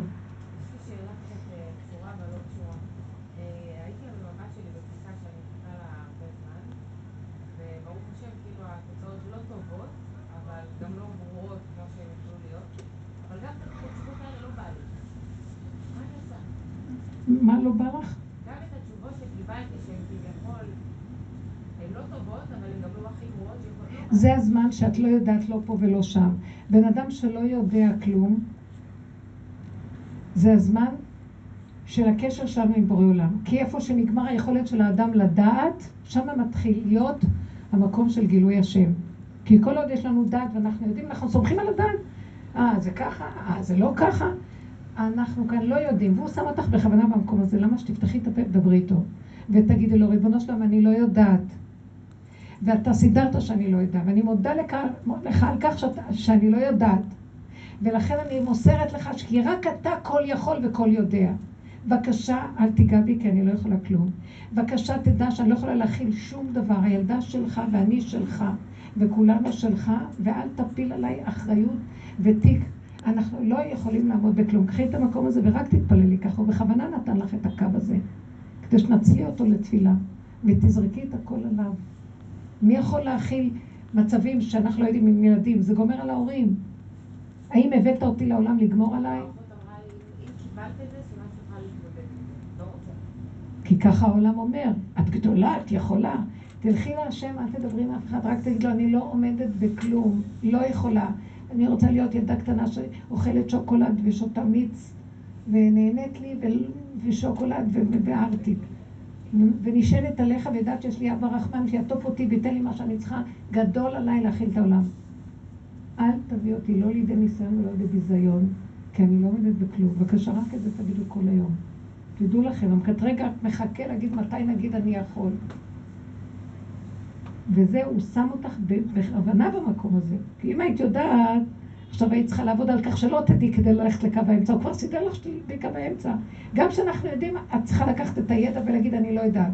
כי כל מה שאנחנו יודעים כל זה אנחנו, זה שקר, לא יודעים כלום. גם מה שיש לכם יודעים, סומכת על מה שהם יודעים? מישהו סומך פה על מישהו שיודע משהו? הכל רק כאילו אחד גדול. ואל תסמכו על כלום. כי אין לנו אלא לשאת את עינינו לאבינו שבשמיים. וזה יהיה לקראת הסוף, רק ההנהגה הזאת. זה מה שיגרום שהוא ירד עלינו. ככל שיותר העיניים שלנו תלויות בו, ולא בשום דבר שנלך ולהתעלות בו, הוא גאול יגאל, רחם ירחם. כי רק הוא מחכה לנו להיות תלויים בו לגמרי. כגמול עלי אמו, כגמול עלי נפשי. זו ההנהגה האחרונה. תבינו את זה, ולכו בדרך הזאת לטובתכם, טובתנו כולם, טובת העם הזה. כי אם חלק יעבדו ככה, רק חלק, כבר כל העם בזכות זה ייגאל. כי כתוב את זה בפרשת תאזינו, כי יראה כאוזלת יד ואפס, עצור ועזוב. אנחנו צריכים להגיע למקום של אוזלת יד, אפס, אפסים. מה כל הגדלות הזאת? מאיפה זה גדלות דמיונית? היא חייבת לקרוס. זה מה שמפריע להשם להתגלות בעולמו. זה מה שמפריע לגלות את ההנהגה הניסית, הנהגת אור אינסוף. שהיא דורשת גולמיות פשוטה. טיפה של ישות מפרקת אותה ושולחת אותה מן העולם, חבל. עד שזה כבר הגיע הזמן, כל הזמן משיח בא. ומה הוא מחכה לראות? יבואו אליו כמה אנשים שהם גלמים ואומרים לא יכולים. הוא מחכה כל הזמן שיבואו קבוצה שתעזור לו, שתהיה איתו. צריך נושא כלים. למה השם אמר להם לספור לפני קבלת התורה 50 יום, 49 יום, לפרק אותם, לרוקן אותם, עד שיישארו מוגבלים. מוגבלים, פשוטים, ריקים, שאין להם מעצמם כלום. ככה הם יעמדו בתחתית ההר, גבוליים, מוגבלים. רק ככה יכלו לקבל את התורה האלוקית, כי ירד עליהם אור אלוקי מאוד גדול במעמד הר סיני. וזה מה שהוא דורש מאיתנו גם בסוף, על ידי העבודה שאנחנו עושים. תורידו את המוח, כי המוח נורא מבקר, הוא דן, הוא שופט, הוא מציק לבן אדם, או הוא גומר עליו. תשבי עכשיו, תגידי, ככה, ככה, תקשיבי מה שהיא אומרת לך, אז את יכולה להכיל.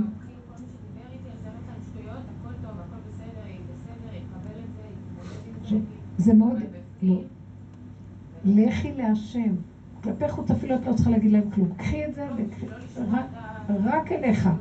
אני לא מחזיקה מעמד בכלום. כל היום תשננו את זה. אבא, תחו את הפה, דברו רק איתו, אין כבר עם לדבר. מה קרה לכם? זה התהילים שלכם דרך אגב. יותר מזה, כל רגע יש לך סיבה להגיד את התהילים שלך, זה התהילים של דוד המלך. מי שאין לו את המוח הזה והוא חי במוח של עץ הדעת, הוא לא קשור עם נפשו, שיגיד את התהילים. מי שפתח את הנפש שלו, וכל רגע היא מוציאה לו משהו אחר, והוא עובד עם זה, הנה התהילים שלו. אני לא אומרת שלא אגיד תהילים לפי הסיבות, אבל זה תהילים א' א'. אז תדברי עם השם, ורק תגידי לו, אבל בקשה ממך. מושכני אחריך נרוצה, אין לי למי ללכת רק אליך. תלכו רק על זה, ותראו את הישועות שיעשה לנו. הוא מחכה לקריאה הזאת, הוא מאוד מאוד קרוב אליך. כי קרוב אליך הדבר מאוד, הוא קרוב אלינו מאוד מאוד. נכיר בו ונודה ונאמר, וחי וקיים ואין עוד מלבדו, ונפסיק כבר עם התודעה הזאת שאנחנו רגילים. לדבר הרבה, להגיד, לקשקש, ואנחנו יכולים ולא יכולים ולעודד את השנייה. מה בייאוש? את יכולה. אל תגידי לה מה את בייאוש את יכולה. תגיד לה, בייאוש? לכי להשם, תגידי לו, אני בייאוש. השם, אתה יכול לפרק לי. קחי כל מידה שהוא מודד לך ותעבדי איתו, אליו. כל דבר תקשרו אליו, זהו, זה מה שהוא רוצה. מה את עכשיו תגידי לה, לכי על ההפוך, תעודדי אותה בתודה של עץ הדת. לא, את יכולה מותק, מה את מיושת את יכולה? תגידי לה, את יכולה רק דבר אחד, לקחת את זה ולהעביר את זה להשם. הוא כל יכול, וברגע אחד משפיע עלינו את כל הכוחות שלו. למי הוא ייתן אם לא לנו? הוא לא גוף, לא דמות הגוף, חכה רק להשפיע עלינו את כל הברכה וכל השבע וכל הכוחות והכל. ושנדע שזה שלו. ונודה לו, כי אנחנו נכיר שזה שלו. בן אדם לא יוכל לגנוב אז ולהגיד, תראו כמה אני יודע. הוא יתבייש. כי הוא ידע שזה מהשם. הוא רוצה קשר אמיתי של הילדים שלו אליו. מספיק. יותר מדי זמן התנתקנו. תודעת עץ הדת מנתקת. היא עושה דמיון הישות העצמי, זה איפה שאנחנו כולנו נמצאים. היא גם סידרה את השפה הזאת, אני, אתה, הוא, הם. אין לו אני ולא אתה, יש, אין עוד בלבדו. הבנתם? אנחנו גנובים לגמרי. אנחנו מאוד רציניים, תתחילו לצחוק, ליהנות, מאוד מהחיים. אבל תודה רבה. אני עכשיו עובדת מאוד חזק לסגור את המוח. כל רגע אני אומרת מה את אומרת? מה את אומרת? אין, לא אמרתי, אל תגיד לי מה להגיד, הכל בסדר. ככה, תפרקו אותו, שילך.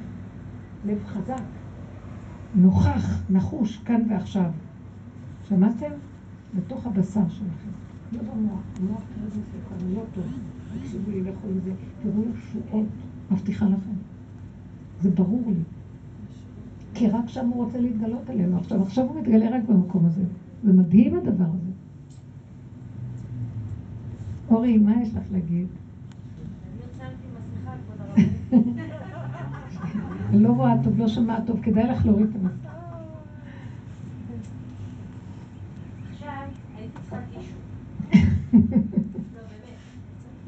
לא, לא.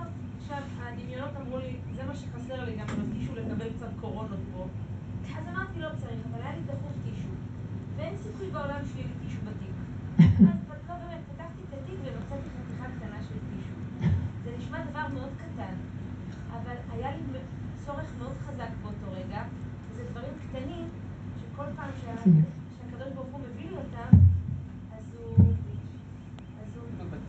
מחבר אותי מדהים, מדהים, מדהים. תראו, דבר כזה קטן, להגיד לו תודה. הוא רוצה שאנחנו, אתם לא מבינים, פתאום את מזיזה את היד, אומרת, תודה, מה כל כך פשוט שאת מזיזה את היד? קשורים עם התנועה, קשורים עם הדברים הקטנים, אתם לא יודעים, שם הברכה נמצאת. צרת בריאות זה כזה יפה, אמרו למישהו, אה, הוא אמר, יש לך כל כך הרבה ילדים, מה, כל בוקר תכתוב הצהרת בריאות לכל הילדים, תדפיס כבר, ואנחנו אומר לו, מה? אני אדפיס כל בוקר, אני תודה להשם שיש לי את הדברים, יכול להודות לו, להשם כל בוקר, יש לי תודה להשם, בריאים, שלמים, יכולים ללכת לתלמודי תורה. אחד אחר כן. הבת שלי כתבה מלא הצהרות בריאות, שמה בתוך התיק, אמרה לגננת, כל יום תכתבי את התאריך.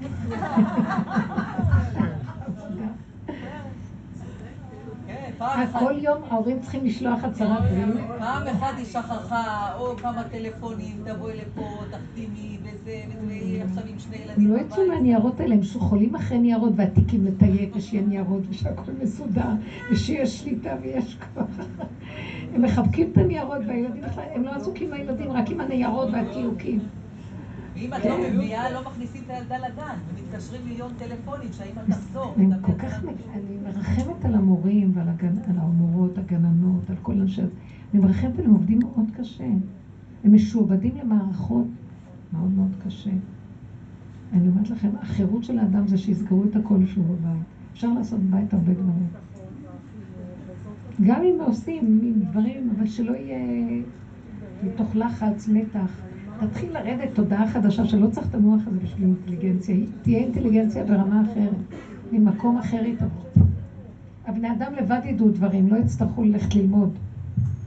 ולא אה, אה, ילמדו זה את זה, ולא יכנף מורך. אתה לא תצטרך ללמוד, הדבר יגיע עד אליך, אתה תהיה המורה של עצמך. ככה היה בקורונה. כן, אנחנו טעמנו טעם של מתיקות. לא, המתיקות של השקט בתוך הלב שאדם קורא עושה, ואין ביקורת. כי אתם יודעים למה? כי כולם אותו דבר, אז לא היה לנו, מה, אם רק אני הייתי בבית לבד? אבל כולם היו אותו דבר, נחמת טיפשים, כן, צערת רבים בכלל. אבל באמת, כולם נהנו היום. אמרתי לאחיות שלי בטיסות שלי, תקשיבו, אתן לא יכולות להאמין לי אבל לא יודעת, אתם יודעות את הרבנית פישר שאני הולכת פה בנתניה? אתם לא יכולות להאמין לי, אבל משום מה היא אמרה, תראו, אתם תיכנסו פנימה, אתם תהיו אותי בפנים, אתם לא תאמינו, לא יהיה פתאום לא מחשבים ולא עולם ולא הייטק אני זוכרת, יושבת אנחנו נורמלים, אנחנו ישבנו פה, ועוד כל פעם אחרי ההרצאה של הרבנית פישר ישבתי עוד שתי דקות בהלם. ציפי, תתעוררי, את לא נורמלית. היא דיברה, אבל רגע, את יוצאת לעולם חזרה. ולא יכלנו להבין כן. מה הרבנית אמרה לנו. לא. שמשהו יקרה פה, שלא נבין איך העולם מתנהל בלי עבודה, בלי... זה יתחיל, זה יהיה, אתם יודעים, מה שהיה לא נגמר, זה לא כאילו נגמר וזהו, זה רק כאילו התכסה, אבל תכף זה יצא עוד פעם. אני אמרתי כל פעם, ישבתי עוד שתיים, שלוש דקות, תנו לי להתנער מהרבנית. כן. מה היא אמרה? כן, והרבנית אמרה, עזבו את המורות, ואל תקשיבו למה שזה. שמה? כאן. מה אמרה לה? לא? לא לא.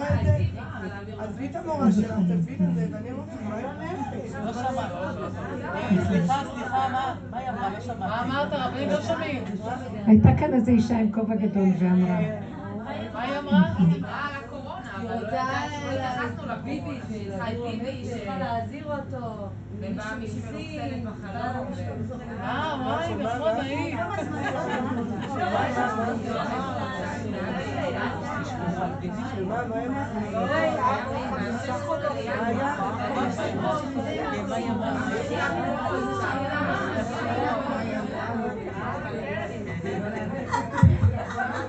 עכשיו יש לכם שאלה נוספת. כל אחד היה אסוציאציות הרבנית, כן. הבת שלי אה, הייתה אמורה להתחתן אה, באי בניסן. כן. באי בניסן, אתם יודעים, זה שבוע לפני ליל הסדר. זה היה בשיא הקורונה. והחתן הוא מאשדוד, והאימא של החתן זו חתונה ראשונה שלה. והיא רצתה שהחתונה תהיה אך ורק באשדוד. ואמרתי לה, אולי באמצע, בבני ברק וזה, לא, רק באשדוד. טוב, אמרתי, עליזה, אל תתווכחי. שלום, השלום שווה את הכול. השלום שווה את הכול. רוצה אשדוד, אשדוד. למרות שהכלה, את יודעת, מתלבשת בנתניה, מתאפרת בנתניה, צריכה לנסוע לשם, וגם הבית שלה בנתניה צריכה לחזור. יאללה, את רוצה אשדוד, אשדוד. טוב, וצריך הסעות, גם הסעות לתלמידות וגם הסעות למשפחה, שתי אוטובוסים. בסדר. עכשיו הגענו לאולם, היא רוצה את האולם הכי מפואר, את המנה הכי גדולה, את העיצוב, העיצוב הגיע ל-14,000 שקל עיצוב, ולהקה הכי גדולה, וזה, והכל חצי חצי, הכל חצי חצי, זה לפני הקורונה, הכל לפני הקורונה, הכל חצי חצי, הכל ואמרת לה שאין לך. כל הזמן אני אומרת לה שאין לי, וזה גם אמרתי לה, זה לא מתאים לבן תורה, אנחנו בני תורה, זה לא מתאים לנו כל ה... זה לא עזר לי שום דבר, חתונה ראשונה, חתונה ראשונה, וזה... בסדר, התפללתי להשם, אמרתי לו, בורא עולם, תראה, הזוג הזה, מסכנים, ייכנסו ברגע שמאל לחתונה, יהיה להם חובות, יהיה להם זה, אני לא יכולה לשלם יותר. והגיעה הקורונה. הגיעה הקורונה, הצילה אותך. אה, אין אולם, אין אולם, האולם נסגר, אין אולם. טוב, אני מתקשרת אליה, אני אומרת לה, אין אולם, מה עושים? אומרת, אני אחפש משהו באשדוד. אמרת לה, טוב, תחפשי משהו באשדוד. אני מתקשרת אליה, אני אומרת לה, תקשיבי טוב. סגר. אה, הרבנים אמרו להקדים את החתונה אפילו, זה בניסן צריך להקדים אפילו בראש חודש בניסן, עוד מעט סגר, עוד מעט זה. תחפשי כבר משהו. אין כלום. הבת שלי באה יום אחד, בוכה לי, אומרת לי, אמא, עוד שלושה ימים אני מתחתנת, ואני לא יודעת איפה אני מתחתנת. דבר מינימלי, תגידי לי איפה אני מתחתנת. אז התקשרתי אליה, אמרת לה, תקשיבי טוב, את רוצה באשדוד, אני עכשיו עושה הסעה, וכל המשפחה באה לאשדוד, כולם יבואו לחתונה. תגידי לי רק איפה באשדוד, מה הכתובת? תגידי לי את הכתובת. אז היא אומרת לי, טוב, אני אחזיר לך תשובה. מדברת עם בעלה, חוזרת, אומרת לי, אני אגיד לך את האמת, אה, בעלי אמר שהשכנה שרצתה לתת לנו את החצר שלה, היא לא רוצה בגלל הקורונה, ואנחנו גרים בקומה שלישית, אין לנו חצר, ואצלכם יש חצר בבית, תעשו בנתניה. בחצר של הבית. ביומיים, הרבנית, ביומיים, ארגנו מהר את החצר, השכנה שלי נתנה, לה- נתנה גם את החצר שלה, הבנים היו בחצר שלה, הבנות היו אצלנו, הבאנו גם עיצוב אה, לחופה, וכיסא מדהים, והבאנו. קטרין, והיה שמח, תקשיבי, אה, לא, הבת שלי בסוף החתונה אומרת לי, אמא, אני צריכה ללכת עכשיו אה, מאשדוד לנתניה. אה, סליחה, סליחה, מרחוב עובדיה לרחוב... והייתי צריכה לעשות שתי, אוטובוסים, שתי הסעות, לעשות לעצמי בתוך זה. הבית, נכנסת הביתה, יוצאת מהבית. ממש, ממש. לא מאוד נפלא. תראי איך השם אוהב אותך, עד אלייך בכבוד, הכל הגיע עד אלייך, ממש מאוד יפה, ממש יפה היה. הבן השני החילוני, ה- הזה אומר לה, אמא, אני רוצה להתחתן מתחת לבית. זה מאוד יפה, החתונות הכי יפות, האירועים הכי יפים היו ככה, שהשם יזכה לנו קיבלה מתנות, וכל המתנות לזוג. רק שלה ב- בחינם חינם. השם יצליח אותנו ונפרה ונשמח ונשגשג.